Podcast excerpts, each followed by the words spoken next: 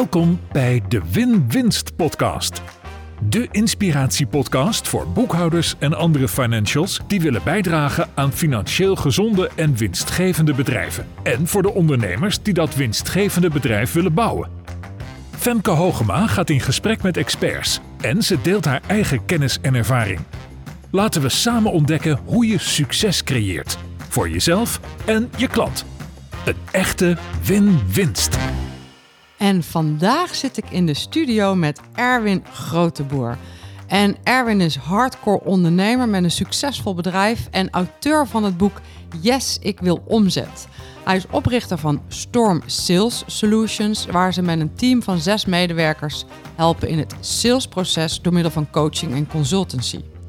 Hij werkt al tien jaar in sales en daarnaast maakt hij muziek, loopt hij marathons en ik hoorde net, uh, doet nog veel meer uh, hardcore sportactiviteiten. En, en het leuke was, ik ontmoette Erwin op de radio. Um, dat was heel grappig. We waren beide spreker op de dag van de ZZP'er. En op de dag van de ZZP'er wordt ook live radio gemaakt. En nou ja, dan, dan hebben ze achter elkaar heel veel radiogasten. En wij werden tegelijkertijd uh, op een uh, kruk geduwd. En wij waren samen uh, radiogast. En we hadden een heel tof gesprek waar we allebei niet bezig waren om het meeste te zeggen. En geloof me, dat is mij wel vaak overkomen op de radio. Dat je daar met een gast zit en dat iedereen eigenlijk een soort van duw- en trekspelletje aan het spelen is. Van nu wil ik wat zeggen en ik ben het belangrijkst en het ja. interessantst. Maar uh, het gesprek met wat ik met Erwin had, daar gaven we elkaar steeds um, een stukje aanvulling en we gaven elkaar het woord. En we kenden elkaar niet, dus dat maak je zelden mee. Toen dacht ik, nou, als we dat al binnen 30 seconden kunnen, dan moeten we ook een podcast opnemen. Volgens mij kletsen we die tijd wel vol. Die tijd Femke. kletsen we wel vol. Ja. Precies. Mooie introductie, dankjewel. Nou, uh, goed, uh, graag gedaan. En ben ik nog wat vergeten? Um, nee, ik ben een veelzijdig mens, dus ongetwijfeld. maar uh, daar komen we dan vanzelf oh, wel ja, achter, zeker, toch? Zeker, zeker. De ondernemer en zijn boekhouding. Ja, en ik val altijd heel on-Hollands met de deur in huis om te praten over geld. Mm. Hoe heb jij je boekhouding geregeld? Ik heb daar een hele fijne collega voor. Want ik ben heel goed in sales, maar minder goed in finance. Dat is toch echt wel een verschil. Je ziet alleen al, dat is ook een leuke discussie. Ik, als ik naar omzet kijk, dan kijk ik naar vooral wat is er binnengekomen. En hij kijkt vooral wat staat er op de rekening. Dus het is een hele leuke wisselwerking. Um, dus aan de ene kant uh, ben ik heel blij dat ik uh, iemand heb die, die me daarmee helpt. We hebben een goede boekhouder. Um, dus dat is heel prettig. Aan de andere kant leer je ook door de jaren heen wel uh, om bepaalde dingen goed en slim in te regelen. Wat dat betreft is um, uh, dat ook een stukje ervaring. Zeker fiscaal zijn er best wel dingen dat je denkt, nou, dat kan volgens mij best wel. En, dat, en ja, ik, heb gelukkig, ik ben gelukkig geprezen met een hele goede accountant, die ik dan gewoon een appje kan sturen. En Cor dan altijd heel adequaat. Ja, nee, bam. Zou je dat wel doen, jochie? Dat soort teksten komen daaruit. Dus per saldo um, ben ik gezegend met goede mensen om me heen. En ja. ik ben, dat heb ik vanaf dag één gedaan. Ik denk, als ik één ding niet goed kan, is het administratie en, en finance. Dat, en ja, weten waar je kwaliteiten liggen, waar je beperkingen liggen. Dat, zo uh, worstel ik me er doorheen. Ja, nou klinkt goed. En wat ik wel heel grappig vind, is je zegt... Ik ben van sales. Ik kijk vooral naar wat er binnenkomt. En mijn mm. collega kijkt naar wat er op de rekening staat. Maar kijken naar wat er binnenkomt, vind ik al een hele verbetering ten opzichte van toen ik 20 jaar geleden in een IT-bedrijf werkte, waar de salesmannen alleen maar keken naar wat er geclosed was. En er was er nog geen cent binnengekomen. Ja, dat, dat bedoel ik ook eigenlijk. Oh, daar kijk ja, je ook ja, naar? Ja, ja, oh, ja. dat is echt het aard van het beestje. Daar kan je niks aan doen. En zeggen, ja, nee, er staat, we hebben een ton omzet. Uh, ja, dat wordt in maart betaald. Ja. ja. Maakt niet uit. Ja. ja dus per saldo uh, zit je op, op, een heel ander level. En ik denk dat je allebei nodig hebt voor een gezonde situatie financieel. Uh, want je hebt die, die closers nodig, die daar ook ja, gek op zijn om dat te doen. Ja. En je hebt de mensen nodig die zeggen, nou, kalm aan. Uh, ja, we moeten het nog moet... doen, de klant moet nog betalen. Juist. Juist. En, en ik herken het wel. Ik bedoel, ik, ik heb dat ook. Ik kan ook op een dag een aantal goede salesgesprekken voeren en dan tegen mijn man zeggen: Ik heb vandaag 10k verdiend en jij. Wat natuurlijk niet waar is. Ik heb een paar goede gesprekken gehad, maar er moet nog wel wat gebeuren voordat het geld echt verdiend is. Maar ja. het is allebei waar, want het is ook belangrijk om die energie te hebben op die ton of die 10k of wat het bedrag dan ook is. Ja. Ja, cool. Ja, ik, ik stel altijd voor in een bedrijf wat moet vercommercialiseren. Want er zijn heel veel bedrijven, ook in Nederland, die volgens mij al jaren doorhobbelen en nooit proactief iets aan marketing of sales hebben gedaan. En nu opeens dachten komen, oh nee, ik moet dat nu opeens wel gaan doen. En die moet opeens een skill ontwikkelen die ze niet hebben. Ja. Dat is een beetje een soort blauwprint van de, van de mensen die bij ons komen.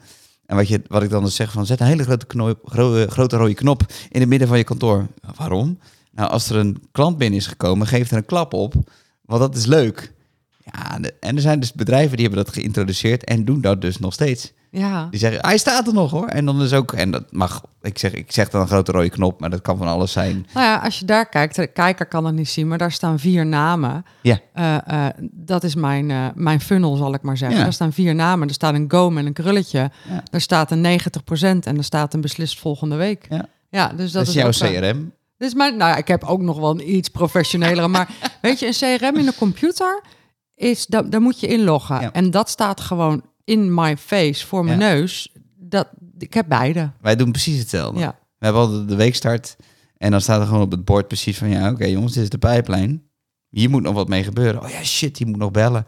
Dat soort dingen. Dat zijn die aha-momentjes dan op de maandagochtend. Ja, fantastisch. Ja, dat, dat is gewoon belangrijk. Ja. Ja. Je hebt een accountant, je hebt een collega die, eh, die meer naar de, naar de cash kijkt. Sturen jullie op cijfers? Ja, maar wel alles in ogenschouw nemende. Als je op cashflow alleen gaat sturen, daarmee kun je je bedrijf niet alleen runnen. Je moet naar meerdere facetten kijken. Dus we proberen dat wel allemaal te doen. Probleem is alleen, hij zit met een andere pet op dan ik. En mijn boekhouder zit ook weer met een andere pet op. En dan nou ja, moeten we ook naar personeelsuitgaven en dat soort dingen kijken. Dus er zijn veel meer dingen eh, waar je mee te maken hebt. En ook hij, wij hebben klanten die laat betalen, zoals iedereen. De, de, de, de, de Florijns en de, de bridge funds van deze wereld bestaan er niet voor niks. Volgens mij wordt er heel veel geld verdiend aan onbetaalde of slecht betaalde rekeningen. Eh, we houden elkaar als ondernemers echt in de houtgreep. Ik vind dat wat dat betreft echt iets van, oh man, eh, ik ben heel blij met Steven. Die, bam, die betaalt gewoon de rekening van onze mensen die we eh, inhuren. En dat kan een fotograaf zijn, Ja. dat kan een drukker zijn. En die mensen krijgen gewoon binnen een week betaald. Als dat betekent dat wij iets langer op ons geld moeten wachten, dat maakt ons niet uit. Daarmee eh, gaan wij heel erg die relatie aan. En dat ja, je zorgt goed voor je leveranciers. Ja. ja, vinden we heel belangrijk. Ja. En dat heb ik van hem ook weer geleerd. Want op dat moment ehm, eh, zorg je dat die mensen ook altijd er voor je zijn. En als het dan een keer niet kan, moet je bellen. Moet je zeggen, joh, sorry, maar punt, punt, punt. En dan is het, joh, pff, kom wel goed. Komt wel goed, Ja. ja. Ja. Ja, want ja, je, je hebt, ja, je vertelde me net, je hebt, je hebt een salesbedrijf, maar jullie hebben eigenlijk ook nog een ICT-tak van sport en jullie maken ook nog ja, games. Ja. Ehm, hebben jullie dan een vast moment waarop je het hebt over omzet, kosten, cashflow, dat soort dingen? Altijd maandagochtend. Ja, dan hebben jullie het Ja. ook, ook over, niet alleen over omzet, maar ook over de andere cijfers. Nou ja, in principe hebben we gewoon een stand-up waarbij Ja. we het team gezegd van, nou, ik ga deze week dit doen. We hebben vrijdagmiddag, dan krijgen we altijd zo'n enorme WhatsApp, zeg maar, van een, van een halve meter, waarin we gewoon als eh, partners onderling gewoon vertellen wat we hebben gedaan, die, wat eruit is gekomen. Want dat is ook weer een soort van to-do-lijstje van, oh ja, shit, daar moet ik nog even naar kijken. Je hebt altijd dat soort dingen. Want de, het is nu, oh, ja, het is nu donderdag alweer, Ja. wanneer wij dit opnemen. Ja. En dan denk ik, oh, hemeltje, de, de week is al bijna weer om. ja. En dat gaat gewoon heel snel. Waardoor je dus twee vaste momenten hebt in de week. En, en maandagochtend bij ons ligt het zwaartepunt. Dat is gewoon voor ons het belangrijkste. Want dan weten we gewoon wat moet er nog gebeuren. We hebben onze developers. eh, we hebben eh, offertes die uitgebracht moeten worden. We hebben eh, dingen die nagebeld moeten worden. En op de maandagochtend weet ik gewoon, heb ik, krijg ik een lijstje van die jongens. En dan weet ik gewoon wat ik na moet bellen. weet ik precies wat ik moet doen. En dan ga ik dan ook bam gelijk achteraan. En dat werkt voor mij heel fijn. Want ik zit in de auto. Nou ja, je hebt file, hè? dat gebeurt wel eens. Ja, ja. Eh, ook naar jou toe. Ehm, en ook eh, word je ook weer gebeld. En dan krijg ik weer een aanvraag van iets anders. En zeker doordat je als ondernemer ben je altijd bezig met nieuwe dingen en dan nog mooiere dingen. Waardoor je soms, zeker in de sales, denk ik, er is geen. Ik ben nog nooit een goede salesman of salesvrouw tegengekomen die heel erg gestructureerd is. Nee, dat snap Dus ik. het zit een beetje in de aard van het beestje. Dat is gewoon het type mens blijkbaar. Waardoor je dus soms dingen laat eh, in de detailsfase en dan gaat het mis. Maar het is wel heel grappig, want we, zijn nog niet eens bij de inhoud van de, van, nou ja, we komen zo meteen bij de expert aan het woord en dan gaan we echt de inhoud in. Maar eigenlijk zeg je nu al iets heel belangrijks. Want wat je zegt, ondernemerschap is, begint natuurlijk bij sales. Dat kunnen we allemaal niet ontkennen. Zonder sales heb je geen bedrijf. Je dus het het begint bij sales. En wat jij eigenlijk zegt, eh, veel verkopers, überhaupt ondernemers, zijn toch enigszins chaotisch en creatief. Hè? Dat zijn we denk ik, heel veel van ons zijn dat. Abstracte denkers, hè? Ja, ja abstracte denkers en ook toekomstdenkers en, en mogelijkheden zieners. Kansen, kansen, kansen. Kansen? Ja. En als je niet een structuur hebt, zoals jullie op de maandag en de vrijdag, waarin je ook gewoon steeds weer wakker maakt de praktische dingen die er gewoon moeten gebeuren, wat er nagebeld moet worden, dan laat je dus heel veel liggen. Ja, je kan echt met recht zeggen dat door gewoon belletjes of een WhatsAppje, echt, het is zo klein, maar wow, goed dat je belt. Hoe vaak ik die opmerking niet krijg. En dan zeg ik, hey.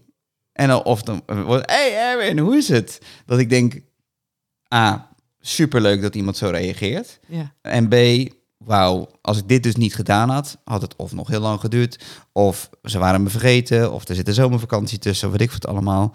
Waardoor je dus ook weer, even terug naar je, eh, waar we mee begonnen, als het gaat over je financiële boekhouding en je financiële huishouding, gaat dan ook kapot. Omdat Ja. je op dat moment niet de dingen doet die je nodig hebt om ook dat op orde te houden. En ja, dat is waanzinnig leuk om te merken dat je, doordat we die wisselwerking hebben, en, en die jongens zeggen, "Joh, jij bent beter in bellen, doe jij dat maar. Ja, nou ja, Ja. dat is ook heel goed. Ja. Ja. heel goed.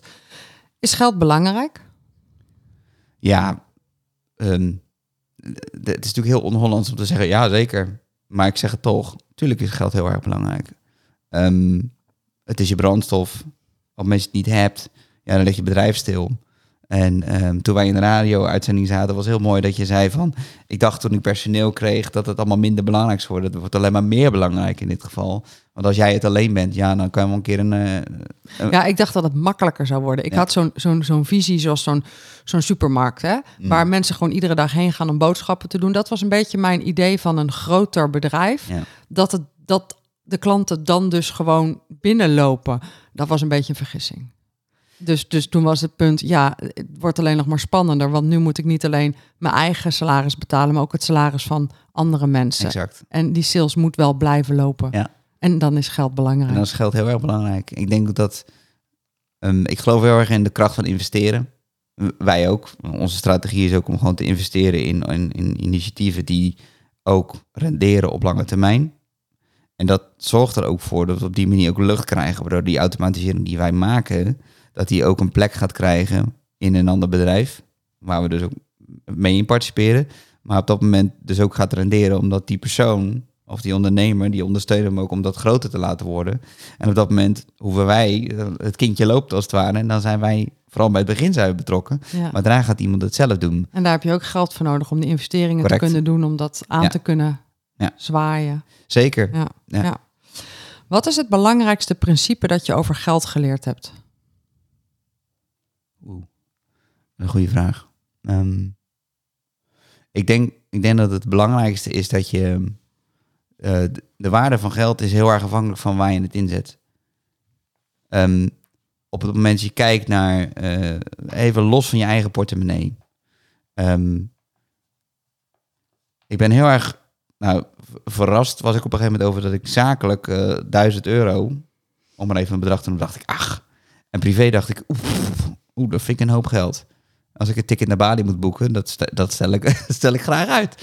Even om maar een Ja. gek voorbeeld te noemen. Ja. Maar op het moment dat ik eh, eh, voor, het team een hotel moet boeken en eh, dat kost me 800, 900 euro bij wijze van spreken, dan oh, valt wel Ja, mee. ja, val, ja, grappig. Bizar is dat, hè? En heb je wel eens een huis gekocht? Meerdere keren. Meerdere keren. Wat ik me dus herinner van, ik ook meerdere keren, twee. Ja. Eh, wat ik me herinner van het kopen van een huis, is dat je dus onderhandelt in een minuut of vijf over prijs. En Ja. dat gaat 10.000 euro erop, 10.000 euro eraf. Hè. Ge- 430, 440, Ja. 450. Dat gaat met 10.000 per keer. Ja. En binnen vijf minuten geef je daar een klap op.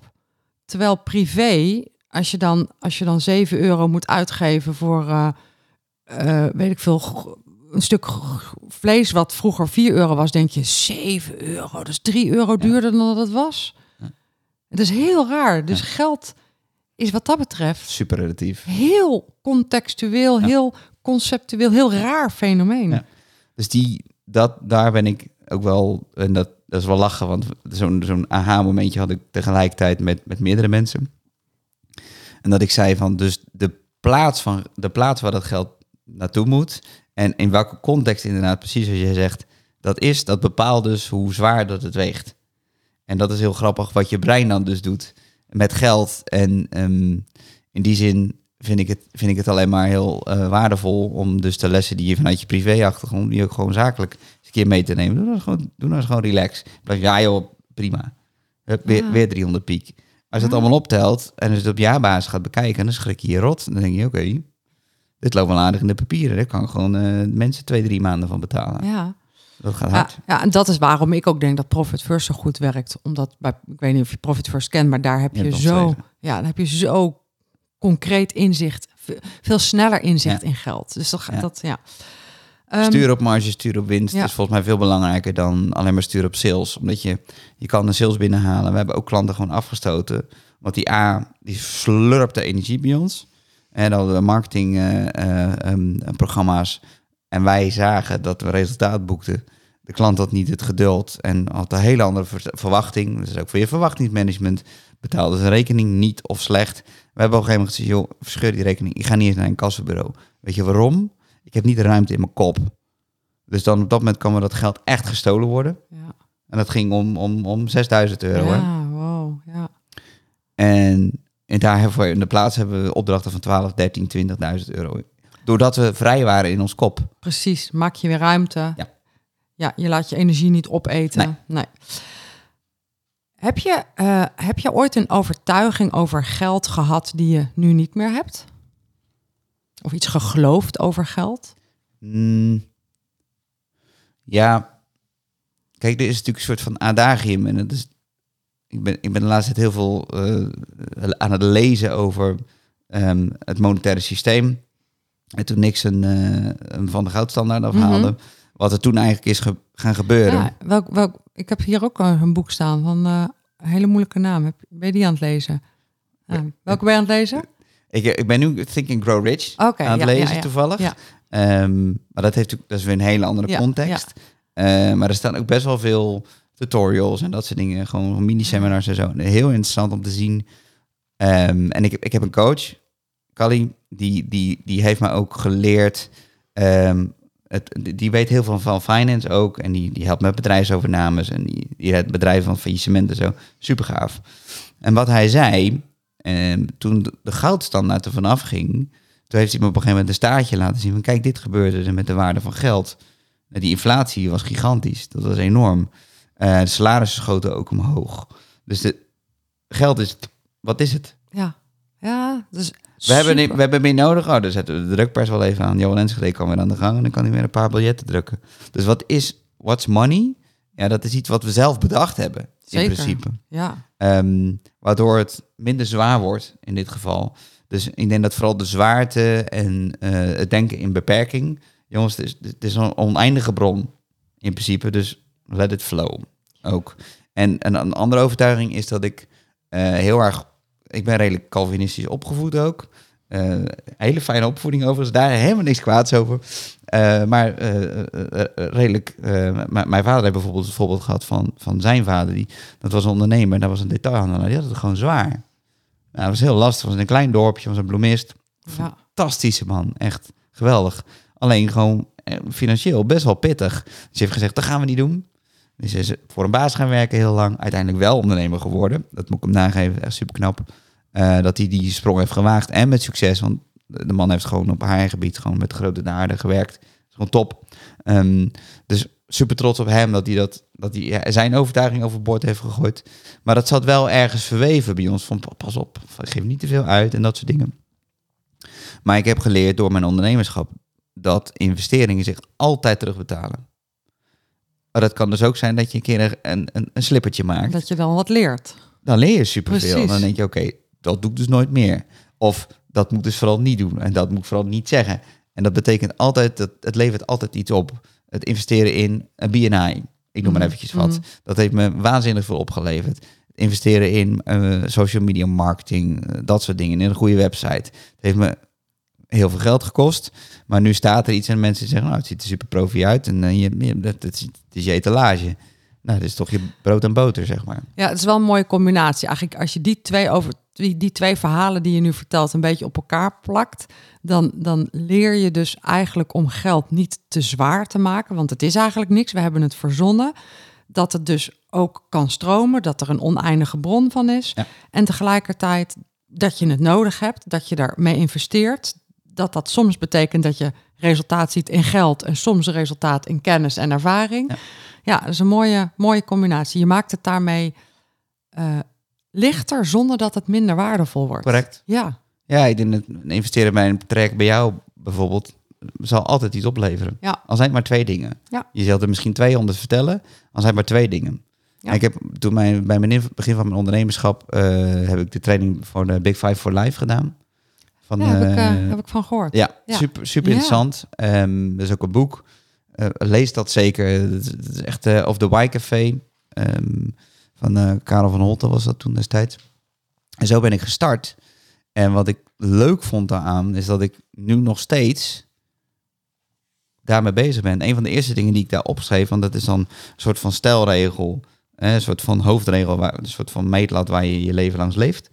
Ehm, en zij gaan uit van het principe van hoeveel, als je leven een museum zou zijn, hoeveel schilderijen hangen erop? Als een mooie dag nou een schilderij zou zijn, hoeveel schilderijen hangen er dan op? En toen dacht ik, het zijn er eigenlijk bar weinig. Ja, Shit. Ja. Ehm, en ik had voor mezelf op een gegeven moment ook vijf principes. Mijn big five was dan, ik wil graag een keer een boek schrijven. Ja. ja, daar ligt hij. Daar staat hij. Ja, ja. Eh, ik wilde graag marathon lopen. Nou, Heb ik heb er twee in zes maanden gedaan. Zeven maanden, moet ik goed zeggen. Ehm, en ik wilde graag reizen. Dat doe ik ook. Dus Goed, ik heb er dat al, zijn je schilderijen. dat zijn, ja, doordat je dus die dingen na gaat streven, ga je schilderijen creëren. Zijn dus mu- museumdagen noemen ze dat dan. En mijn reizen zijn altijd museumdagen. Ehm, Oh, de journey mooi. van dit boek schrijven was, waren een en al museumdagen. Ook met pijnlijke momenten dat mijn redacteur tegen me zei, Erwin, even tijd niet zo goed. Ja, precies. en da- daar word je grote sterk van. Word je gewoon sterk van. Ja. Gaaf. Mooi.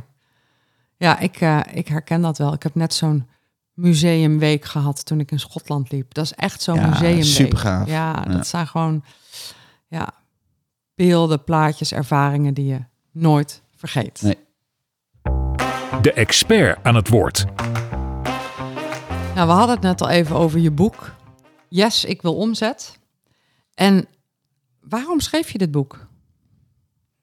Heb je even? Ja, ja, nog wel even. Nou, dan moeten we terug naar 2019. Ehm, mijn leven zag er op dat moment compleet anders uit ten opzichte van nu. Ehm, ik was niet gelukkig in de liefde. Dat was één ding. Dus privé was een vrij lastige situatie. Ehm wat nog vrij lang even doorgesudderd, maar dat terzijde. Ehm dus ik, ik was niet veilig, als het ware, thuis. Mhm. Ehm, dus ik kon mijn strugg- struggles ook niet delen op dat moment. En mijn struggles waren er nogal wat. Ehm, want ik raakte mijn grootste klant kwijt. En dat is hetzelfde als dat je van de een op de andere dag geen werk meer hebt, maar dus ook geen WW-uitkering aan kunt vragen, of wat dan ook. Je ner- nergens recht op. Mhm, Je staat gewoon in je hemd. Dat is ook waarom je onderneemt. Dat is het risico. mhm. Dat is je schepen verbranden en gaan met die banaan. Maar ik was gewoon wel de klos. Ik, eh, ik stond echt eh, met mijn rug tegen de muur. We hebben onze grote vrienden van die blauwe enveloppen. Ehm ik kreeg een eh, flinke IB-aangifte. En die, die, die viel nogal hoog uit. En ik had gewoon geen geld. Ik kreeg ook geen geld binnen. Dus dan heb je, moet je en heel veel betalen en je krijgt geen geld binnen. Ja, dat is... Ja, ik kan me die beklemming nog voelen. Ja, En het stom is, als ik nu nog een blauwe envelop krijg, dan, dan schrik ik soms weer. Dat is gewoon die flashback naar toen en dat Ja. was niet leuk. nee, Nee, want ze, ze zijn wat dat betreft echt niemals... eh, meedogenloos. ja, de overheid werkt niet voor je. Echt niet. Nee. Eh, en daar blijf ik bij. Dat meen ik echt. Maar goed, dat terzijde. Ehm en dat stapelde zich op. Dat stapelde zich op. Ik heb op een gegeven moment zelfs brieven verscheurd. En ik lees ze niet eens. Weet je. Zo erg was het. En gewoon echt mijn kop in het zand gestoken. Ehm met als gevolg dat ik nu elke, elke brief die ik binnenkrijg... hoe vervelend de opdruk ook lijkt... open ik gelijk. Ja, ja. Eat the frog. Ehm, en dat, dat was zo ver opgelopen dat op een gegeven moment de deurwaarder voor de deur stond en zei: als je nu niet betaalt, gaan we beslag leggen. Wat een Ja. drama. Ja. Ja, dat was echt heel erg. Dus mijn, dat was echt, ik, dat was echt de bodem van de put. En het stomme is, mijn toenmalige partner wist van niks. Hmm. Want ik wist gewoon, dan zou het gezeik alleen maar groter worden. Dus ik stond helemaal in mijn hemd. Ja. Helemaal alleen. Ehm, en op dat moment ging ik met mijn broer en mijn vader ging ik een weekend weg. Ja, ik was blij dat zij de brandstof betaalden. En ik was blij dat ik die, dat, dat huisje, wat, die, die caravan was een mooie bij Sabadolon, prachtige plek aan de kust in Frankrijk. Hadden we zo'n zo, zo, zo, zo'n chaletje hadden we dan. Had ik al betaald. Dus ik denk, oké. Gelukkig, eh, daar, daar hoef ik geen zorgen over te maken. Ehm, en ik dacht echt van, oké, eh, ik ben dus blijkbaar niet, niet zoveel waard. Want mijn grootste klant eh, zegt, zegt me van wel. Hmm. Eh, er komt een hele lijst met onzekerheden. Je gaat ongelooflijk twijfelen aan je eigen kunde. Ongelooflijk twij- twijfelen aan je eigen talenten. Alles, alles staat in twijfel. En de grap is, ik dacht van ja, is dat eigenlijk wel zo? En toen ben ik dus een lijstje gaan maken met dingen. Wat zijn nou eigenlijk mijn overtuigingen? Want dat was voor mij heel erg belangrijk. Van oké, maar zet voor jezelf dan nog eens op een rijtje. Wat zijn dan de dingen die je brengt en wat je overtuigingen zijn? En, en fact-check dat dan nog eens een keer. Want klopt het daadwerkelijk wel dat het inderdaad zo slecht is wat je brengt? En toen ging het opzommen en toen dacht ik, kind of makes sense of zo. Dit is eigenlijk best wel, be- best wel goed. Dit zouden best wel meer mensen moeten weten, denk ik. Want ik denk dat heel veel bedrijven hiermee struggelen. En dat vond ik heel raar. Want ik denk, ja, ik, heb, eh, ik, ik ben platzak. En op dat moment wa- waren er oplossingen. Ik ben door mijn ouders geholpen. En nou ja, fant- fantastisch, weet je. En ik, en ik, ik kreeg ook weer wat klanten. Mhm. Want die stond- ik moest wel. En toen, nou, toen viel het allemaal mijn kant op. Dus uiteindelijk zat ik ook wel weer in de lift. Maar dat, dat, dat, dat kleine jongetje in mij eh, werd alleen maar kleiner en kleiner en kleiner, zeg maar. Je werd er heel onzeker is van. super onzeker. Ja. Ja. Met als gevolg dat ik op dat moment dacht van... oké, die overtuigingen, volgens mij moet ik dat even wat meer toespitsen. En toen, dat documentje waar het in stond, werd langer en langer en langer. Ah, en dat waren overtuigingen over wat wel, wat, wat je wel goed doet, wat wel werkt, wat dat soort dingen. Nee, gewoon mijn overtuigingen van... nou, ik ben oké, dan ben de salesman. Oké, ja. Ehm, dus wat, wat is mijn overtuiging ten opzichte van sales? Wat vind ik dan wat beter moet, anders moet of wat dan ook? ja, ja, ja. En het leuke is dat er zijn heel veel dingen ook weer afgevallen. Want dan dacht ik van ja, weet je, dit is niet per se iets, een topic aan zich. Maar dat was wel de start van een. Dat was de start van mijn boek. Dacht En toen heb ik, en dat de grap is, ik ben gestart met het schrijven van mijn boek op de achterbank. Bij mijn broer en mijn vader in de auto naar Frankrijk. En, en dat was het moment dat ik ook eh, gereageerd heb op een opdracht. En mijn hele mind shifte. En we spreken over eind mei. En in september had ik weer een dikke opdracht erbij. Ja. En was ik uit de problemen. Wat mooi. Wat je eigenlijk volgens mij ook zegt, is dat je, je zat rock bottom, je zat Ja. op de bodem van de put. Daar was alleen maar onzekerheid en, en, en nou ja, onzekerheid en, en chaos en ellende. En op het moment dat je weer wat vrijer kon gaan dromen over sales en over je overtuigingen, ging de energie weer stromen en ging je dat ook weer uitstralen en Ja. kwamen er ook weer opdrachten. Ja. Hoe je dus ook zelf je eigen ellende of je eigen succes Ja. creëert in dat opzicht. Door wat je gelooft, door wat je uitstraalt. Precies dat. Ja. Vrij kort geleden, 2019, dat is eh, vier jaar geleden. Ja. Maar je zit nu op een heel ander punt volgens mij. Succesvol bedrijf, Comple- personeel, Complete metamorfose. complete metamorfose. Ja. Ja, wat... Oké, eh, je ging toen dat boek schrijven. Wat was er nog meer nodig voor die complete meta metamorfose van rock bottom naar waar je nu staat? paar dingen. Eén was een stukje financiële rust. Hè? Mhm.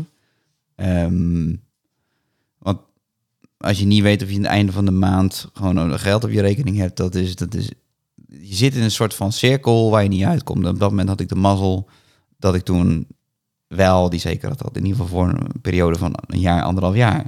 Ja, drie maanden of zo. Ja. Ehm, en dat heeft mijn brein zeg maar, ook tot rust gebracht. Waardoor ik gewoon in ieder geval niet die onzekerheid had van, kan ik het wel betalen? Omdat je wat hulp kreeg. Of- Nee, nee, nee. Nee, door die opdracht. Door die opdrachten, ja, ja, ja. ja, ja. Nou ja, de- het probleem is wel dat je op dat moment in je bedrijf aan het werk bent, dus niet aan je bedrijf. Dus de, de groei van het bedrijf stagneerde wel een beetje. Eh, maar ik had het op dat moment even nodig. En er is helemaal niks mis mee dan even een stap terug doen. Dus dat zou mijn oproep aan iedere ondernemer ook zijn. Op het moment dat je vastzit, doe even wat anders dan dat je tot nu toe gedaan hebt. En wees niet te trots om even in loondienst te gaan of even een opdracht aan te nemen of wat, wat dan ook. Want dat, dat, dat zorgt ervoor dat de mist in je kop verdwijnt. En de grappig, het grappige is van eh, eh, het, eh, zes hectare mist of zo, dat past, als dat in, in water zou verdampen, past het in één glas. dus zorg ervoor dat die mist Ja. gereduceerd wordt tot dit Tot glas. glas, ja. Het is zo grappig. Ik heb het gisteren nog tegen, eh, tegen een klant gezegd die eh, financieel eh, het heel zwaar heeft. Ehm, te weinig klanten eigenlijk gewoon, te weinig opdrachten. Mm. En ehm, ik heb zelf wel eens een coach gehad die zei... je moet geen achterdeur openlaten. Je moet je alleen maar richten op wat je echt wil... en zorgen dat je de juiste klanten aantrekt. En ik geloof daar dus niet zo in. Ik heb letterlijk tegen haar gezegd... als je het financieel zwaar hebt... hebben je hersenen ook geen ruimte om creatief te zijn. Nee. Dus wat let je om gewoon eventjes je handjes aan te bieden? Want er is echt werk. Dus ga even gewoon je handjes aanbieden. Ga geld verdienen, Ja. dat die financiële rust terugkeert. Dan kun je weer gaan ondernemen. Dus ik ben het helemaal met je eens. Ja. Soms moet je gewoon eerst die financiële rust herstellen en dan gaan ondernemen. Ja. En, en ik ben tegelijkertijd gaan analyseren wat ging er nou eigenlijk mis. Ja, oh ja, dat is wel een goeie. Dat is vrij cruciaal, dat vergeet ik erbij te zeggen. Want Nou, noem eens wat. Wat ging er mis? Nou, twee dingen. Voor mij, enerzijds was de. Ik, ik zat in een soort omzetparadox. En dat bedoel ik eigenlijk van op het moment dat ik een opdracht heb. Dus ik was een klassieke ZZP op dat moment.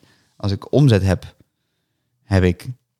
Een, eh, als ik, sorry, als ik een klant heb en zo'n opdrachtgever, heb ik omzet. Maar heb ik eigenlijk geen tijd voor sales. Want ik ben occupied door het werk aan die opdracht. Als ik tijd heb voor sales, heb ik geen opdracht en dus geen omzet. En geen energie voor sales. Ja, Juist. dus Ja. het probleem was, dan, dan ga je, en dat is heel grappig. ehm, eh, ik, ik mag hem mijn vriend noemen, Marcel Bos. Hij heeft het eh The Why of Everything eh, geschreven samen met eh Eddie John. Ehm, en, en de grappige is dat hij zegt daarover, dat gaat over het brein en over wat hormonen met ons doen. En hij zegt, ja, op dat moment ben je dus gestrest. En doordat je gestrest bent, scheid je pheromonen uit. Mhm. En onze hormoonhuishouding doet dat nou eenmaal. En we hebben dat niet zo goed door. Maar op neuroniveau zit degene die tegenover je zit, heeft dat in de gaten.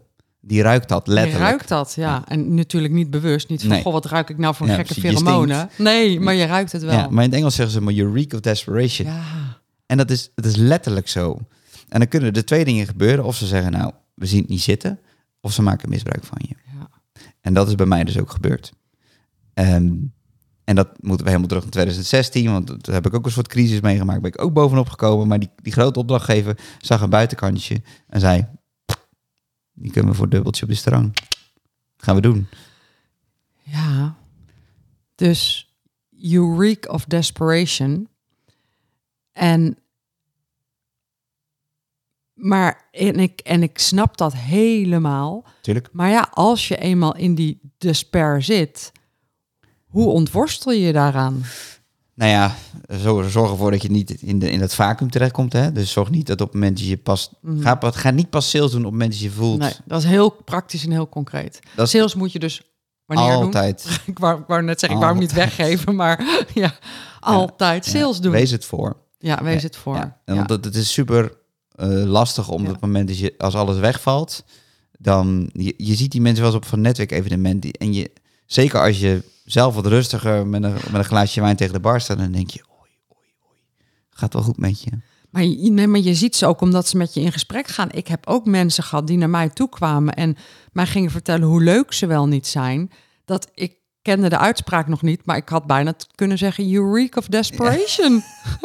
Ja, Ja, ja, ja. want die komen dan gewoon keiharde sales proberen te doen, terwijl ze eigenlijk gewoon eh, zo'n stinkend hoopje ellende zijn. Dat werkt natuurlijk niet. Nee, en Nee. als je natuurlijk, ehm, las pas een artikel en er stond dat heel veel ondernemers, eh, kleine ondernemers, zitten ook gewoon echt eh, rond bijstandsniveau qua Mhm. inkomen. Ja, heel, ja, ja. dan ja. denk ik, oké, even t- terugrefereren naar je vraag van hoe belangrijk is geld. Nou, rete belangrijk, want hey, Ja. je hebt het niet. En ja, geloof me, daar wordt niemand, Nee. niemand vrolijk van.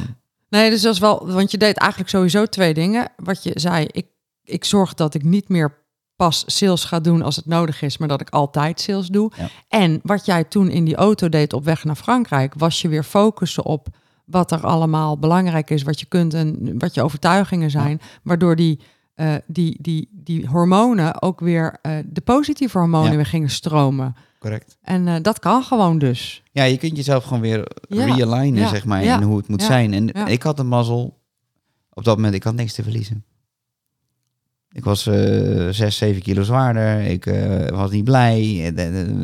Ze- Het kon alleen maar beter. het kon eigenlijk alleen maar beter. En ik zeg altijd, in de put, is een hele mooie natuurlijke gram. Is heel fijn zingen, kan ik je vertellen. Als je op de bodem zit, kun je heel hard afzetten naar boven toe. Dus er is niet zo heel veel aan de hand. Er kan, eh, wat, kan, wat, is er nou, wat kan er nou nog erger zijn? Ja, je moet ook niet hele gekke schulden op je nek halen en weet ik wat allemaal. Je moet gewoon wel je verstand blijven gebruiken. Maar ga ervoor. Ja. Wat is de... Eh, je gaat te lose Ja. niks in principe. Want je, hebt al, je bent alles al kwijt. Ja. En dus niemand is gevaarlijker dan iemand die niks te verliezen heeft op dat moment. En dat heb ik wel aan de lijf ondervonden. Dat je dat moment, ja, plat gezegd, fuck it, let's go. Ja. En toen ging je ervoor. En toen ging ik ervoor. Ja, tof. Gaaf. En ehm, ja, je doet een aantal dingen, maar je richt je... Je bent ook echt een sales- en een omzetman. Ja. Ja. Waarom sales en omzet? Ehm, nou ja, we hadden het net al een beetje over die energie in een, in een organisatie. Ik denk dat... ehm, ik ben heel erg volgens het adagium wat niet groeit, krimpt. En dat, is, dat klinkt heel hebberig, maar daar bedoel ik mee... ehm, als je stopt met werken aan iets, dan kom je vandaag of morgen in de problemen. Het beste voorbeeld van die omzetparadox is dan op, op het moment dat je een mooi project hebt en eh, die persoon die verantwoordelijk is voor jouw werkzaamheden zegt, nou ja, we gaan verlengen, maar eh, die krijgt opeens een andere baan. En dan komt iemand anders te zitten en zegt, nou, jouw contract loopt af en het is nu de vierde, dus eh, de tiende is klaar. Ja, Bedankt. ja. Tot ziens. Ehm, de- en dan, dat is dus een beetje het lastige van, op het moment dat je omzet hebt, dan word je een beetje lui. Als het ware, je bankrekening kan je heel erg voor de gek houden. Ehm, dus daarom zeg ik van, alles wat niet groeit, dat krimpt. Ja, ja. Dus blijf altijd scherp en alert, want succes komt te voeten, gaat te paard. Je kan één keer onderuit gaan en dan is het heel snel, is, is, is, zijn, je, zijn je bankrekeningen leeg. En nou ja, goed, blijf dus altijd alert op ehm, dat je altijd blijft werken aan iets. En ga dus niet mee in de stroom van, nou, het gaat eigenlijk best lekker. Ja, het is grappig. We kennen natuurlijk allemaal de uitspraak: wat je aandacht geeft, groeit. En als je niet uitkijkt, wordt dat een beetje zo'n zo'n lege, lege uitspraak die geen betekenis meer heeft. Maar ik heb zelf nu een heel concreet voorbeeld als het gaat om sales en deze uitspraak. We hebben een, eh, een, we hebben een heel mooi product. Daar hebben we ook mooie omzetten mee gedraaid. En toen hebben we dit jaar de, de aandacht eigenlijk verlegd naar een ander product, wat helemaal oké is. Maar als ik nu kijk naar de omzet op dat eerste product, dan zie je gewoon keihard dat daar geen aandacht naartoe is Nee. gegaan. Eh, ook dat de accountant de vraag stelde: ehm, Gaat wel goed, Gaat het wel goed daar? Nou, gelukkig hebben we meer dan één product. Maar het is voor mij zo'n keihard bewijs van het is een prachtig product. Mm. Met hele blije klanten. Met fantastische resultaten. Als ik de aandacht laat verslappen, het verkoopt zichzelf niet. Nee. Het is nog steeds geen halfje bruin. Nee. Nee, want die verkopen zichzelf wel. precies. Ja, en, dat is, dat, dat, en dat, ik geloof dat prijs heel erg belangrijk is. Maar tot, tot 100 euro schrijven mensen zich online wel in of, of whatever.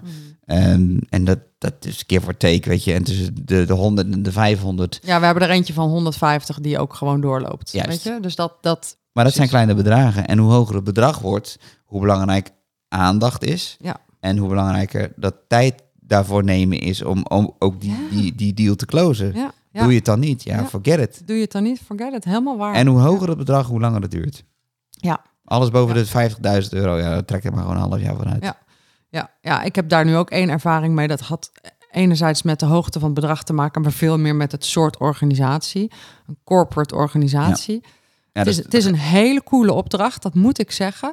Maar voordat die cool werd, had ik bijna het beltje er neer gegooid. Dat ik dacht, jongens, wat duurt dit lang? Ja. Sales in een corporate organisatie. ja, ik weet het. Mijn hemel. Ik begon, mijn, ik begon mijn carrière bij Touch Incentive Marketing. Van eh, Dennis van den Berg. Geweldig ondernemer overigens. Eh, echt een mentor voor mij geweest. Ook alle mensen daar zo. Want ik was met afstand de jongste. Ah, ja. Ja, eh, Alexander, Remco, eh Wijnand. heel veel aan die mannen te danken. Ehm, en de grap is, dat was dus een corporate wereld. En ik was echt zo'n jonge hond. Ik zat de hele dagen aan de telefoon, weet je wel. En zij vonden dat, zij moesten heel erg op mij lachen. Eh, maar ik kreeg wel dingen voor elkaar. Maar dan ging je naar Achmea, naar Coca-Cola, Pathé, nou ja, whatever. Heineken deden ze allemaal dingen voor. Ze namen overal mee. Dat was, vonden, vonden mij een grappig mannetje. Ehm, ja, dat is leuk hoor. Dat is loyalty, eh, loyalty marketing. En het leuke is, ehm, zij snapte precies hoe lang dingen duren. Maar dan kan het dus ook zomaar zijn dat bij zo'nzelfde klant opeens out of nowhere... Ze winnen een prijs. Hmm. Of er is iets bijzonders aan de hand. Of ze bestaan zoveel jaar dat er... Oh ja, jongens, we moeten nog wat regelen. En dan is het ineens zo, hop. En dan krijg je dus Ja. de opdracht die je niet verwachtte, maar wel van de klant waar Ja, je van verwachtte. Nou ja, wat ik ook heb ontdekt is, er zijn natuurlijk tekenniveaus in een bedrijf. Mhm. En eh, ik zat kennelijk boven een bepaald tekenniveau, dat duurde heel lang. Maar er kwam iets anders via een andere hoek, via een ander tekenniveau. En dat was binnen, geloof binnen een uur ge- geregeld. Dat ik dacht, oh wacht, het is een ander tekenniveau dit. Ja, oké. Even over verkopers. Wanneer is een verkoper succesvol in zijn vak? Wat maakt een verkoper dus succesvol? Ja, ik denk dat je daar eh, drie key elem- elements voor nodig hebt. Ehm, dat is eh, één, is iets heel bazaals. En dat klinkt heel simpel, maar dat is het niet. Dat is namelijk, sta je achter je product. Mm. Ik heb genoeg mensen gezien, en dan gaan we ook weer even naar Marcel Bos, die zei, op het moment jij, als jij onzin staat te verkopen, schijnt je diezelfde pheromoon uit als iemand die Reek of Desperation.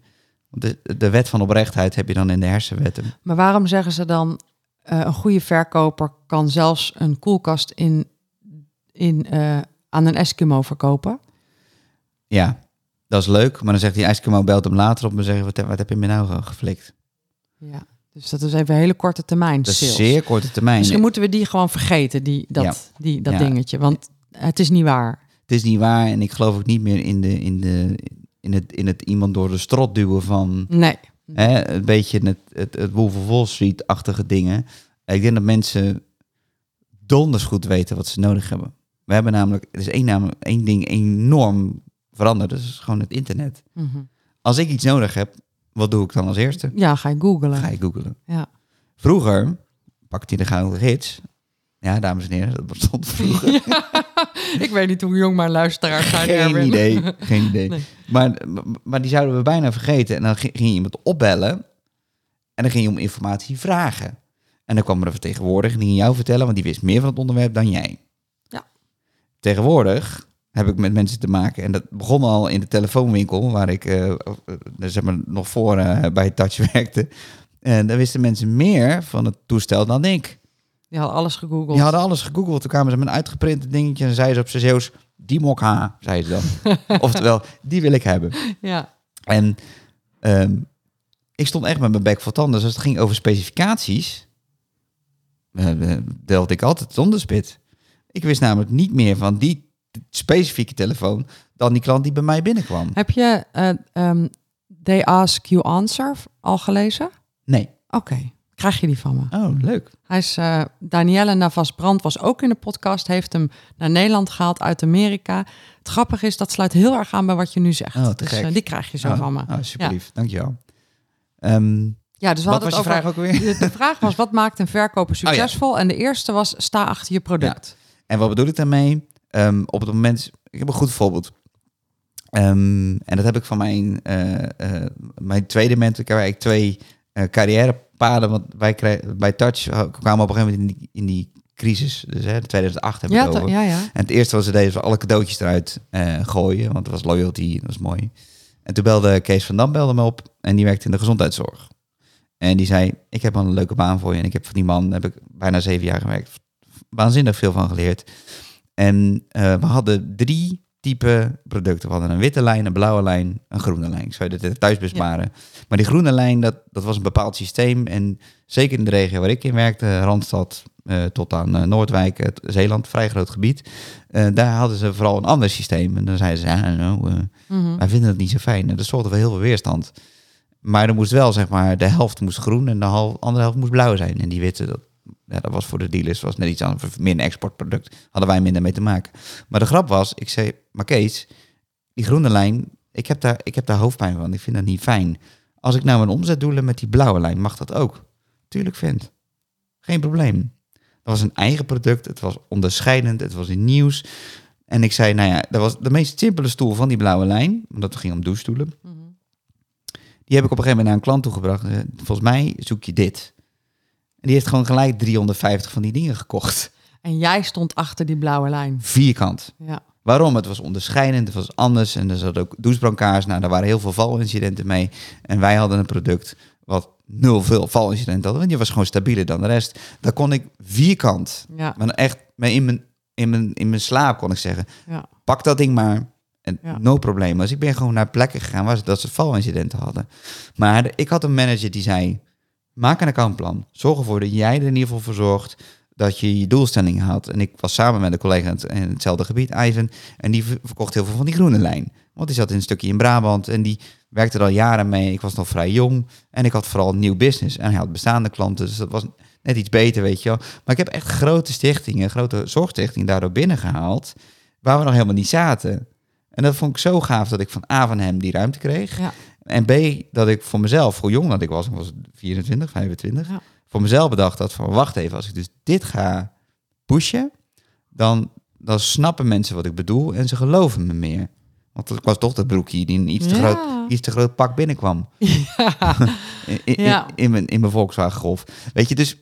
eh, en dat is dus wat dus achter je product staan voor je kan betekenen. En het leuke was, en dan gaan we door naar het volgende puzzelstukje, want ik heb er drie. Ehm, dat was een product van eigen makelij. En, en we hadden het duizend onderdelen van, van dezelfde lijn. Dus duizend zittingen, duizend setjes wielen. Da- En ik deed dus in mijn, in mijn eentje deed ik al dus zeg maar drie, vierhonderd. Ja. Waardoor ze al heel wat. En daardoor hebben ze dus de afspraken met de leverancier ook kunnen doen. Dus die marge ging ook nog eens een keer omhoog. Dus aan alle kanten was het super. En ik denk dat we hem ook allemaal voelen. Als je achter je eigen product staat, dan verandert er iets in jouw innerlijke. Dat straal je uit. Wet van oprechtheid. Precies. Ja. De wet van oprechtheid. Mooi. Ja.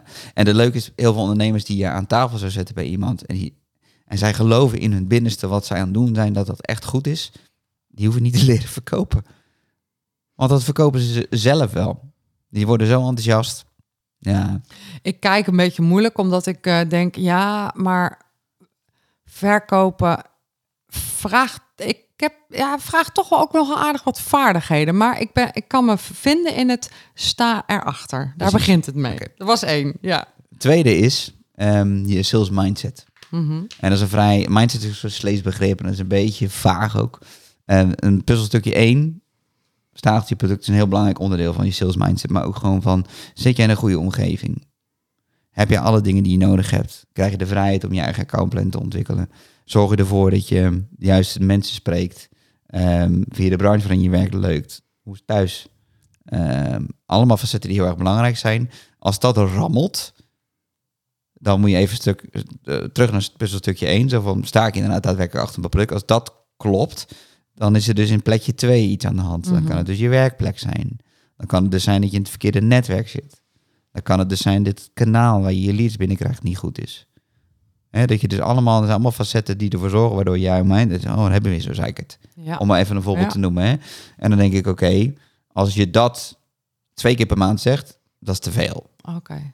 Ja. dan gaat het dus in jouw brein iets niet goed en daardoor eh, eh, omzetparadox. Hetzelfde. Als die sales mindset eh, wordt, gaat helemaal naar de knop op het moment dat je geen geld hebt. ja, dat snap ik. Want dan word je hongerig, hebberig, Ja. ja, Ja, dan word je angstig. heel angstig. Ja. Angstig, ja. En het derde stukje Ja. is discipline. Hmm. Sales is niet heel moeilijk. En toch ook weer wel. Want het komt allemaal neer op discipline. We hadden het over dat ik dan een soort agendaatje krijg voor mijn collega's. Ja. Je moet die even bellen, die even dit. Dat is discipline. Als je dat dus niet doet, ja, forget it. Dan, Ja. dan krijg je de opdracht niet. Of krijg je, dus maak je die sale niet. Dus discipline, en dat gaat over CRM invullen. Dat gaat over je, gewoon je, je follow-ups gewoon strak en goed inregelen. Mhm.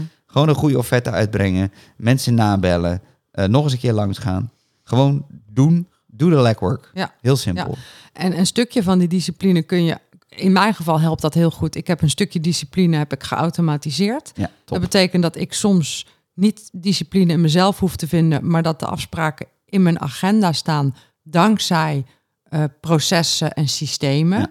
Eh, dus dat is makkelijk, want een stukje discipline die ik uit mezelf moet halen, is dat ik op dinsdag sales doe. Ja. En eh, dat gaat heel vaak goed. Maar er zijn ook zeker weken dat ik te veel te doen heb om op dinsdag sales te doen. Ja. En daar laat mijn discipline het afweten. Nou ja, zolang het goed gaat, gaat het goed. Ja. Maar ehm, eh, daar moet je dus heel erg uitkijken dat je niet in die sales paradox stapt. Precies. En dat je niet pas op dinsdag sales gaat doen als het echt nodig wordt, want dan word je weer angstig. Dus ik snap heel erg die discipline. Ja, Ja, het, en is, ja. Het, is, het is echt. Het is, en het leuke is, het is ook chronologisch. Als één klopt, Mhm, dan klopt twee ook sneller. mhm. En als één en twee kloppen, kun je drie pas uitvoeren. Ja. Dus als één en twee niet kloppen, dan krijg je drie nooit voor elkaar. Maar je vindt het niet leuk. Ja. En zelfs, en ik heb hetzelfde, hè. En, en jij bent goed in sales. En ik weet er ook wel wat van. Eh, en, en zelfs voor ons is het lastig om discipline soms toe te voegen. Dus per saldo ehm, hebben we daar allemaal mee te maken, denk ik. En wat je niet noemt is vaardigheden. Salesvaardigheden. Nee. Nee, dat klopt. Hebben die niet nodig? Nou ja, vaardigheden, als je dus boeken gaat lezen, dan gaat veel over het voeren van een goed salesgesprek. Mhm. Eh, ik geloof heel erg aan de spinmethode bijvoorbeeld. Ja.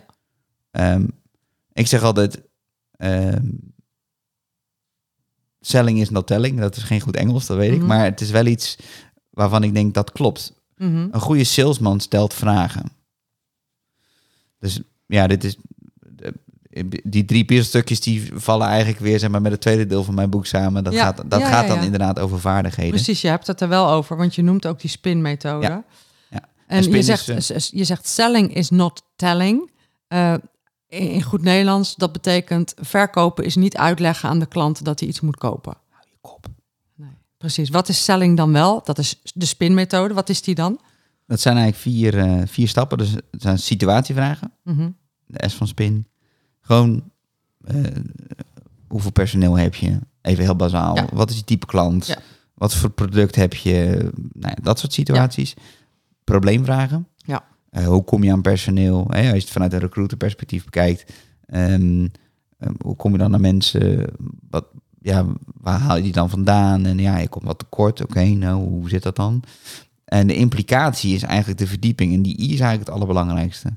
Die implicatie is van, oh, dit probleem heb je, maar dat heeft tot gevolg dat, puntje, puntje, puntje. Ja, dus eigenlijk het, het ver- pijnlijker maken van het probleem, het verdiepen van het probleem. Ja, op zoek gaan van waar heb jij nou daadwerkelijk behoefte aan? Ja, ja.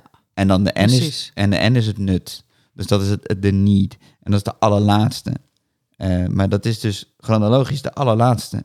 En heel veel verkopers hebben de neiging om vooral heel veel te vertellen en heel veel te zenden. En dan zie je die mensen een beetje glazig kijken na een kwartier. En een half uur sta je buiten. En, en die salespersoon die denkt, nou, goed salesgesprek.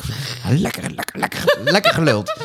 Ik zat er lekker in. Ik zat, ik zat er lekker in. En die klant die denkt, nou, Ja, laat me zitten. ja. En dat is ook, vroeger kon dat meer. Nu zie je dat, wat ik nu tegenwoordig doe, ik ga gewoon lekker onderuit. Nee. Hoe gaat het?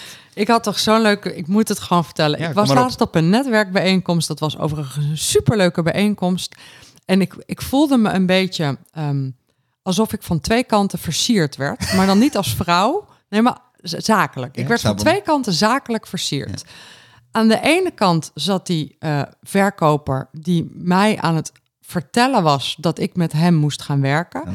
Die zat ook te dicht in mijn energie en die bleef me uitleggen wat er goed was aan hem, hoe die andere klanten had geholpen eh, en hoe die mij kon helpen. Mm. En dat was vermoeiend. Ik voel hem nu nog. En aan de andere kant zat een man de spinmethode of iets dergelijks toe te passen.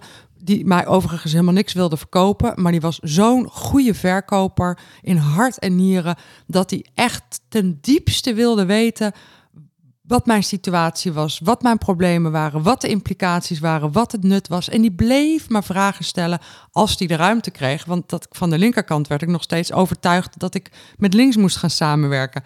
En ik zat daar en ik voelde die twee. En dat zal ik gewoon nooit vergeten. Dat was gewoon real-life demonstratie van hoe het niet moest versus hoe het wel moest.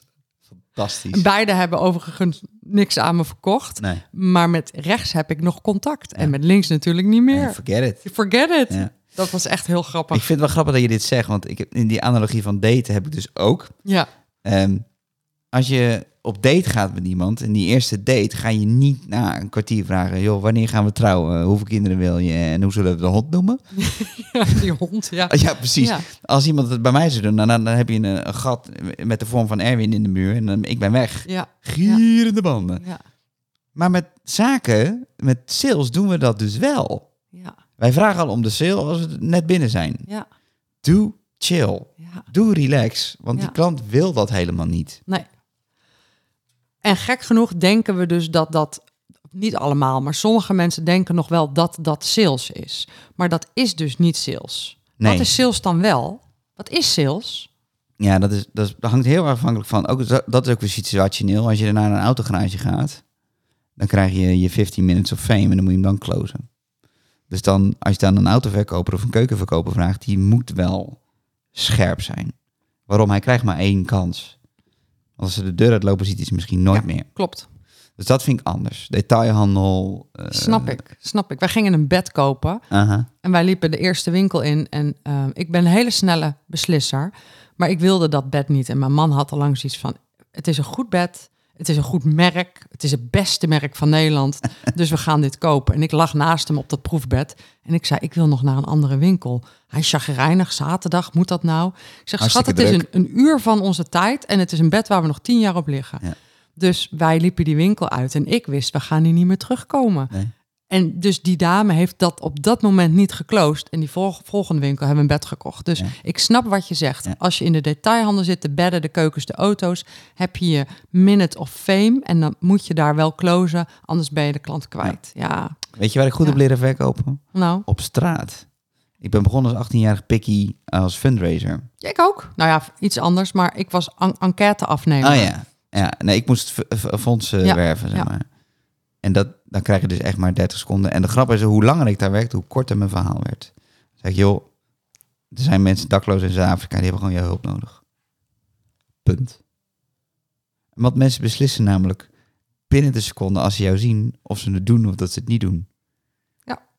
Ja, wat dat betreft zou iedereen dat toch in zijn jeugd moeten doen. Ik ga mijn kinderen ook maar kijken of ze... Want ik heb ehm, eh, eh, spaarproducten verkocht. Oh ja. Eh, op dit moment vraag ik me af hoe ethisch dat destijds was. Maar toen leek het redelijk ethisch. En Mm. ik heb eh, heel veel enquêtes afgenomen. Maar dat waren enquêtes van drie kwartier. Dus die moest je ook echt wel verkopen. Zo dan. Want eh, ah, anders hebben mensen daar geen zin Nee. in. En ik was in beide extreem goed. Dus Mm. daar heb ik toch wel een soort basis gelegd voor sales. Ja, Ja. Ja, daar leer je Ja, het. daar leer je Ja. het. Ja, Maar het gaat mis zodra we die, ja. eh, die, die skills, of in ieder geval die, die stijl meenemen in business to business. Want wat is dan sales in business? Want dat is sales in de detailhandel. Wat is dan sales in business to business? Relationship, relationship, relationship. Waarom? Waarom is sales relationship? Twee dingen. Eén, je wilt een klant voor het leven hebben. Je wilt dat mensen, je, je churn, zoals ze dat noemen, hè? dus het verliezen van klanten. Als die te hoog is, dan daar kun je geen bedrijf op bouwen. Dus je churn zo laag mogelijk houden. Dat is, dat is het enige. En de tweede is eh, impact maken op de positieve manier. Als jij geen impact maakt, als je geen relatie hebt, kun je geen impact maken. Want je snapt niet wat iemand doormaakt. Je weet niet wat iemand daadwerkelijk nodig heeft. Je hebt geen idee. Mhm. Eh, en, en de derde, ambassadeurs creëren. Dat is eigenlijk het allerbelangrijkste. En ik denk als je dat we ook niet moeten over het hoofd moeten zien. We blijven mensen en mensen zijn sociale wezens en mensen leven dus bij de gratie van relaties. En dat stopt niet ineens in sales. Absoluut niet. Ook daar is weer die analogie van dat daten gaat daar gewoon helemaal op. Ja, ja. En dat willen we niet altijd, want we hebben soms geld nodig. En, dat, en dan gaan we weer helemaal terug naar het begin. Als je dus desperate bent, neem je niet de tijd om even relax. Oh, Jongens, pak nou eens even anderhalf uur en ga nou gewoon even met iemand zitten. Daar is niks mis mee. Eh, want als je bij die nou ja, persoon... kost wel heel veel tijd, eh, heel Erwin. Niks mis mee, anderhalf uur. ik vind het prima. Ja. Jij hebt daar tijd voor. Ik maak daar tijd voor. Maakt daar Dat is voor. verschil. En ik heb de mazzel dat ik niet altijd alles hoef uit te voeren binnen het bedrijf. Hè, dus op het moment dat je eh, freelancer bent of ZZP'er, Ja. dan moet je dus en verkopen en uitvoeren. Dat- En ik kan me ook voorstellen dat het verschil maakt of je iets voor 1000 euro of voor 60.000 euro verkoopt. Ja. Hoeveel tijd je aan de sales besteedt. De beste manier om omzet te verhogen is gewoon je prijzen verhogen. Heel simpel. Mhm. Dus wees ook niet te goedkoop in godsnaam. Want ehm, daar schiet niemand wat mee op. Echt niet. Nee, ja, ik zeg wel nee, maar waarom dan niet? Waarom schiet niemand daar wat mee op? A, eh, die, die klant heeft geen commitment van jou. Want ja, je moet er nog drie van dat soort opdrachtjes of niet, niet, nog drie van dat soort klanten naast hebben. Dus jij bent de kwaliteit die je eigenlijk kan leveren, kun je niet leveren. Ja. Want het kan niet uit. Ik ben het zo met je eens. Dus zeg het nog een keer, want ik vind dit zo belangrijk Ja. in ons vak. Als jij, nou, nou zeg ik, zeg jij het en dan ga ik het zeggen. Zeg het nog een keer. Als jij te goedkoop bent, moet je dus om geld te verdienen en om in ieder geval eh, alles te kunnen betalen enzovoort, heb je dus nog meer dan van dat soort klanten nodig, waardoor je de kwaliteit die je eigenlijk kunt leveren, niet kunt leveren, want je bent te dun bezaaid. You're spread too thin. Ik ben het helemaal met je eens. Ja. Ja, super belangrijk. Zeker. Ja, dus wees niet te goedkoop. Dat, eh, dat is wat je zei. Ja. Dat is. ehm, terwijl mensen soms denken dat als het goedkoper wordt, wordt het makkelijker. Maar dat hoeft dus helemaal niet zo te zijn. Je kunt wel goedkoop zijn, maar leef er dan ook een goedkoop product voor. Mhm. Een online product bijvoorbeeld. Online product of een boek of, Ja, of, of een, een, een, een, weet ik veel, een webinar die je een keer opgenomen Ja. hebt. Verkoop die voor een paar tientjes. Of een workshop waar je mensen drie tientjes voor laat betalen. Maar dat is dan in de funnel is dat gewoon een kennismakingsproduct. En dat is niet je één op één tijd. Nee. Nee, nee. En Maar- stop in hemelsnaam met 100% alleen maar te, te leunen op je tijd verkopen. Want dat is, ja, daar wordt niemand eh, gelukkig van als ondernemer. Want dan blijf je dus altijd in die red race zitten. Je blijft altijd werken om geld te verdienen. Dus zorg dat je er andere dingen naast hebt. Want anders dan, ja, dan kom je knel te zitten. Mhm. Vroeg of Mhm. laat. Ja, ik ben het helemaal met je eens. Het is heerlijk om niet tijd voor geld te hoeven ruilen. Want dat geeft zoveel ruimte. En het Ja. geeft ook de ruimte om je klanten beter te helpen. En dan kom je weer terug bij je vorige punt. Ja. In je boek heb je het ook over find your story. Waarom is dat zo belangrijk? Het vinden van je story, je verhaal. Ja, dat is een beetje marketing en sales. Dat heeft een bepaalde eh, positie. Eh, dat is opvolgend op elkaar. En waar je vroeger was, laten we zeggen, 20, 25 procent van het proces van het doen van een deal was marketing. En 75 tot 80 procent was sales. Tegenwoordig precies andersom. Mhm. Dus 80 procent is marketing, 20 procent Ja. is sales. Ja. En dat wordt nog, die verhouding wordt nog scherper. Dat wordt denk ik 90-10. Maar heeft dat te maken met internet? En, Ja. ja. Ja, dat is echt een ontwikkeling die we doormaken. Het gaat heel erg over branding. Het gaat heel erg over wat is jouw marktpositie. Het gaat heel erg over ehm, wat zijn je eh, reviews. Dat soort dingen. ja, snap ik. Ehm, Ja. En als jij geen goede story hebt, hè, het Simon Sinek verhaal, je why, je golden circle, daar, daar, daar valt heel veel over te vertellen. En als je geen verhaal kunt vertellen, ehm, dan kan mensen, kunnen mensen zich niet identificeren. Je hebt net gezegd van het is nog steeds human to human. Het is niet alleen business to business, business to consumer. Het is van people to people. Heel simpel. Op het moment dat jij een goed verhaal kunt vertellen, en dat kan zijn in de vorm van een pitch, maar dat kan ook zijn op je website, dat kan zijn op, op, op blogs, whatever. Maak een leuk filmpje gewoon. En dan gaat het veel meer over het, het, het spreken naar hier, naar het hart, in plaats van naar het hoofd. Omdat ik met specificaties ga strooien, ja, dan heb je het weer die, die, die, die meneer die in de telefoon eh, kwam, ik moet die hebben. Ja, ja, ja. En dan zei ik, oh, dat is een mooie. ja. En dan zei ik, nou, waar ga je het voor gebruiken? En dan ga, ga je de vragen stellen. En dan, en dan vertelde ik dus het verhaal van een klant die met een vergelijkbare wens kwam. En die uiteindelijk met die. En dan lulde ik ze, even plat gezegd, naar een andere telefoon toe. Die jij liever wilde verkopen. Die ik liever wilde verkopen. En dat is dan misschien gemeen, maar die man kwam dan wel later. En dan had hij nog iets nodig. Dan zei ik, ik ben er echt blij mee. Ja, super. Ja. Maar ook hier gaat het weer over die relatie. Want dat verhaal bouwt natuurlijk ook weer die relatie. En Ja. storytelling is gewoon een van de meest krachtige vormen van sales. Ja, Omdat ik denk dat dat veel meer blijft hangen dan eh, het opdreunen van specificaties. Mhm. Nou ja, vroeger toen de computers net bestonden, toen werden we plat gegooid met specificaties. Ja. Hè? Dan moest je een Pentium eh, 5 processor met 365 megahertz, bla bla Dual core, ko- bla bla bla. Dual core, ja. Mhm. Maar dat is niet meer. Dat hebben de computerverkopers eh, misschien wel door Apple geleerd om dat toch anders aan te vliegen. Apple is bij uitstek een, een, bedrijf wat storytelling gebruikt. Ja, ja, ja. Weet je nog hoe eh, de iPhone voor de eerst ge- geïntroduceerd werd? Nee. Nou, Steve Jobs zei, we hebben drie producten ontwikkeld. We hebben een eh, mp3-speler, we hebben een telefoon en een kalender of zo, zei hij. Ik weet het niet meer precies. En toen herhaalde hij het nog. We hebben een telefoon, we hebben een muziekspeler en we hebben een kalender. En toen zei hij... En toen deed hij zo en dan zag je zo die dingen allemaal samenkomen. En die hele zaal zo... Holy shit! Wat, wat vet! Kun je ons niet meer voorstellen.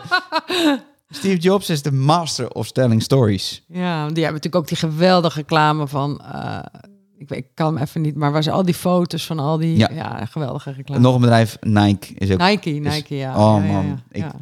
Als het gaat over storytelling. Ik heb ooit uh, uh, lezing gegeven over storytelling, specifiek dit. En toen liet ik een commercial zien van Nike. En uh, er was een man en die had geen handen en geen voeten. En geen benen en geen, geen armen, zo zelf. En die was op de, weet veel, op de K2 aan het klimmen. Kilimanjaro echt insane hoog. En, en de vraag was...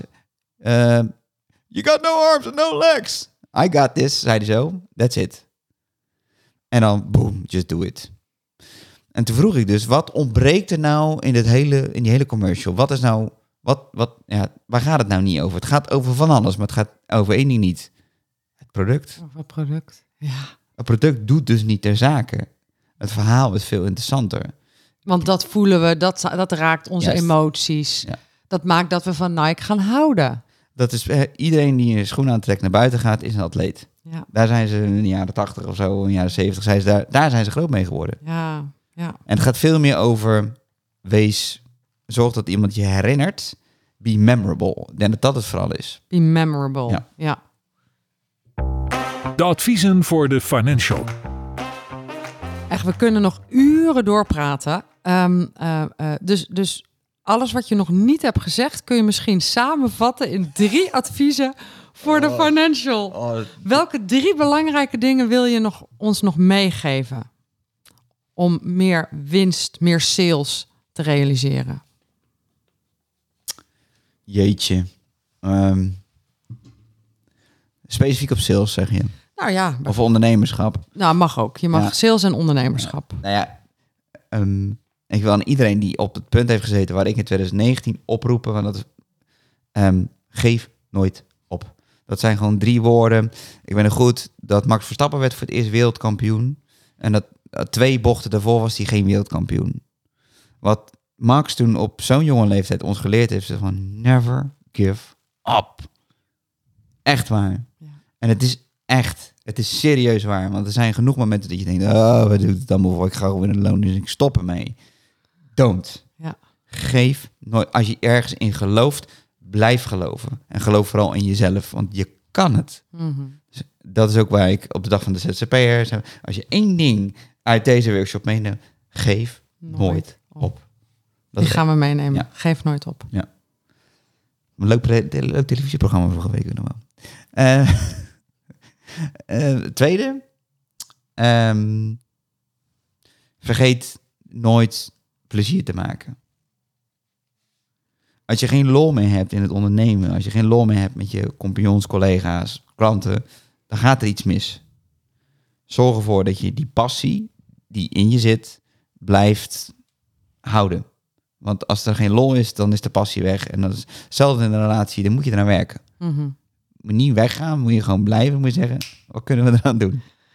Ik vind deze ook heel mooi hoor, Erwin. Want ik denk dat we, ik denk dat ik ook, maar ook anderen te, te vaak denken dat ja, zaken doen moet toch serieus zijn. Uh, ik probeer ook steeds vaker lol te maken met klanten. En um, dat is soms wel even wennen voor klanten. Maar oh, wat is het heerlijk om Ja. gewoon leuke dingen te doen. Ja. Gewoon lol te maken. Superleuk. Plezier. Ja. Drie. Eh, ik had er net een. Shit. Eh, oh, wat erg.